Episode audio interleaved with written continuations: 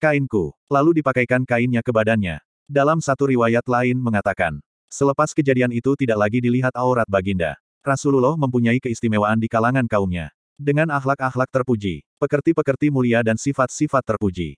Baginda tokoh termulia di kalangan bangsanya.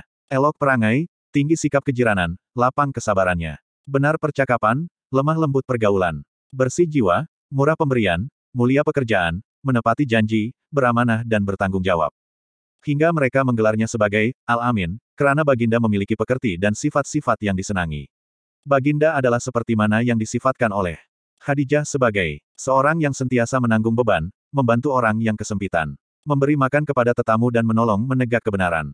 Semasa kerasulan, turunnya wahyu pertama merupakan detik paling bersejarah dalam kehidupan Muhammad SAW. Bermulanya tugas mencabar sebagai Rasul Allah yang bertanggung jawab menyelamatkan manusia dari kesesatan. Ia lebih mencabar apabila wahyu yang diterimanya itu menjadi bahan pertikaian di kalangan Quraisy Mekah. Yang selama ini memuji-muji kepribadian Muhammad bin Abdullah. Di bawah naungan Al-Nubuwah dan Al-Risalah del Guwahira. Bila usia Baginda meningkat 40 tahun. Renungan dan pengamatan Baginda di masanya yang silam. Membawa Baginda semakin jauh lagi jurang dan cara pemikiran Baginda dari kaumnya. Membawa Baginda gemar untuk mengasingkan diri berikhtilah, untuk itu Baginda membawa bekalan dan air untuk maksud ke Gua Hira. Di Bukit Al-Nur dengan jarak dua batu ke Bandar Makkah.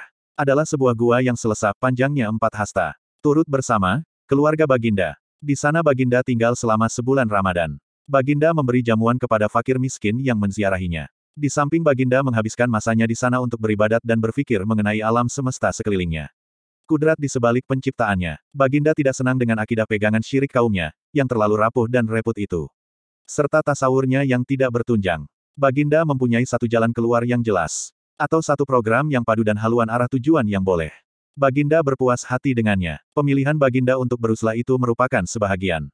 Dari program yang disusun oleh Allah S.W.T. untuk Baginda sebagai persiapan untuk menangani